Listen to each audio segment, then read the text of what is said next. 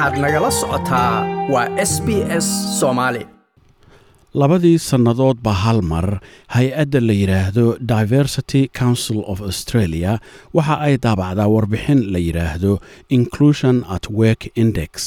oo ah daraasad lagu baadho dhibaataynta iyo xaqiraadda ka dhex jirta shaqaalaha australia iyo sidii loo hagaajin lahaa haddaba waa maxay xaqiraadda goobta shaqadu? Warbixintan oo ka mid a taxanaha settlement guide oo ay s b s ugu tala gashay dadka waddanka soo dega ayaanu ku eegaynaa arrintaa takooridda goobta shaqada ee aan sharciga ahayn waxay dhacdaa marka loo shaqeeyuhu qaado tallaabo liddi ku ah qofka sifooyin gaar ah oo uu leeyahay awgeed sida jinsiyadda da'da uurka ama diinta waxayna saamayn kartaa noocyada kala duwan ee shaqaalaha sida shaqaalaha maalin kasta shaqeeya kuwa maalinlaha ah kuwa shaqada loogu yeedho marka loo baahdo oo keliya iyo kuwa shaqada ku tababartaba. Patrick tenner oo fadhigiisu yahay brisban waxa uu ku takhasusay sharciga shaqada shaqaalaha iyo shaqaalaynta. Waxa uuna ka tirsan yahay shirkadda qareennada ee morris blackburn lawyers. Wuxuu sheegay in wedda advers action ay tahay mid sharci ahaan qeexda falalka ay ka mid yihiin caydhinta qof shaqaale ah dhaawicidda qof isaga oo shaqada ku jira ama looga bedelo xilkii si iyo sid ah iyada oo loo cuskaday sababo aan sharciga waafaqsanayn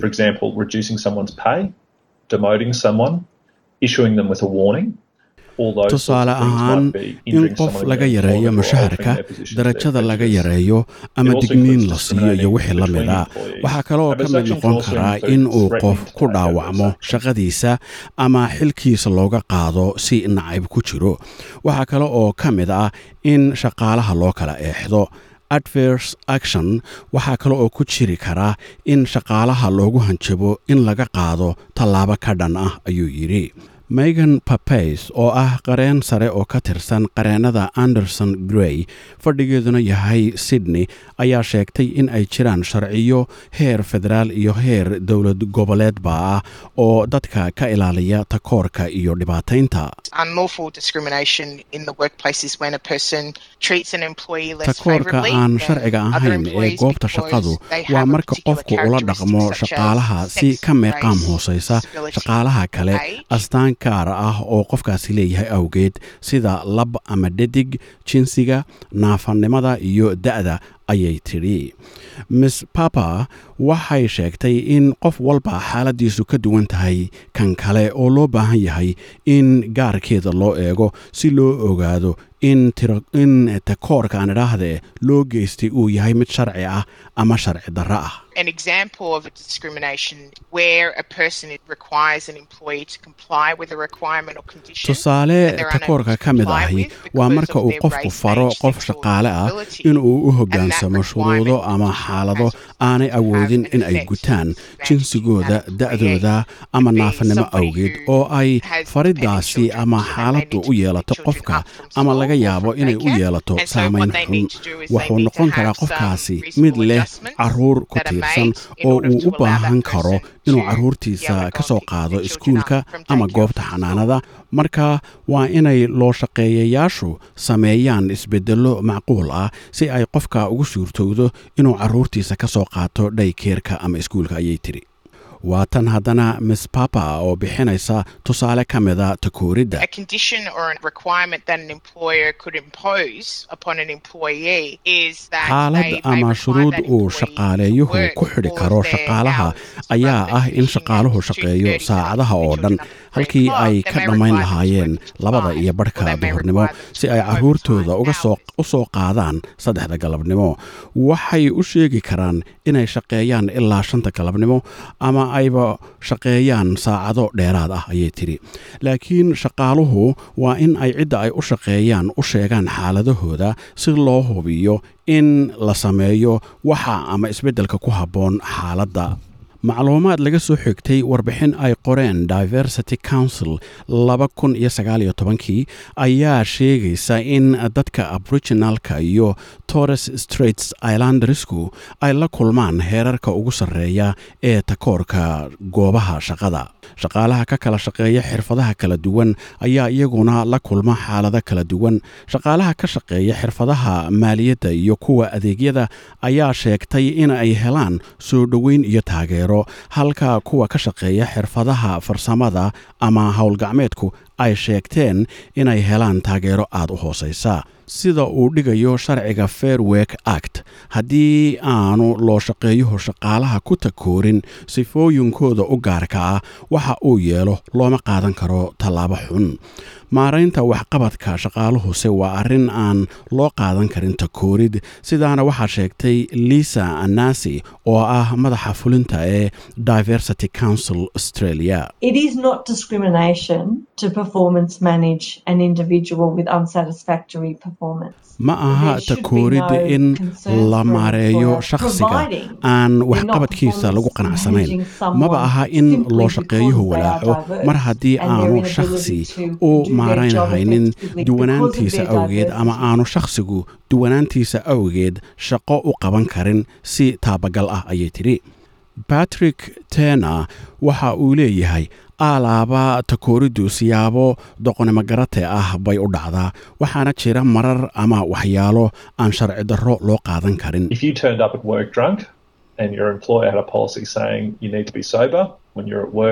Haddii aad shaqada then timaado adiga oo consistently oo loo shaqeeyuhuna horay u lahaa siyaasad odhanaysa waa in aadan sarkhaansanayn markaad shaqada ku jirto oo digniinna lagu siiyey. haddii aan markaa lagula dhaqmin si ka duwan sida shaqaalaha kale taasi ma noqonayso takoor aad u codskato duwanaanshahaaga ama naafa aad qabtay. Ilaa aad keeni karta mooye caddayn ah in lagula dhaqmay si ka duwan sida shaqaalaha kale ee xaaladaasoo kale ku dhacday ayuu yidhi maxaa markaa kula gudboon haddii aad u malaynaysid in lagu takooray? Miss papa ayaa waxa ay leedahay waxaa kula gudboon in aad loo shaqeeyahaaga toos ula abbaarto oo u sheegto. Haddiise aad sidaa najiito ku qancisa ka weydo raadso talo dhinaca xuquuqda ama sharcigaba ah Most employers have complaints or grievance processes in place, so they should definitely report the loo issue at shaqeeyayaasha first badankoodu waxay leeyihiin hab ay u maareeyaan dacwooyinka ama cabashada.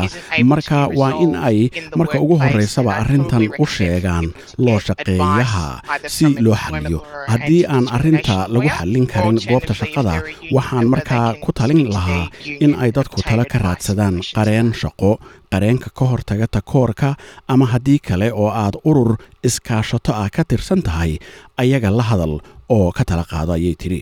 Master tena waxa uu mar kale leeyahay waa muhiim in dadku ogaadaan sharciyada xoogga badan ee austraaliya ee reeba takoorka wuxuuna inala wadaagayaa najiitooyin kala duwan oo laga soo saari karo dacwad takoor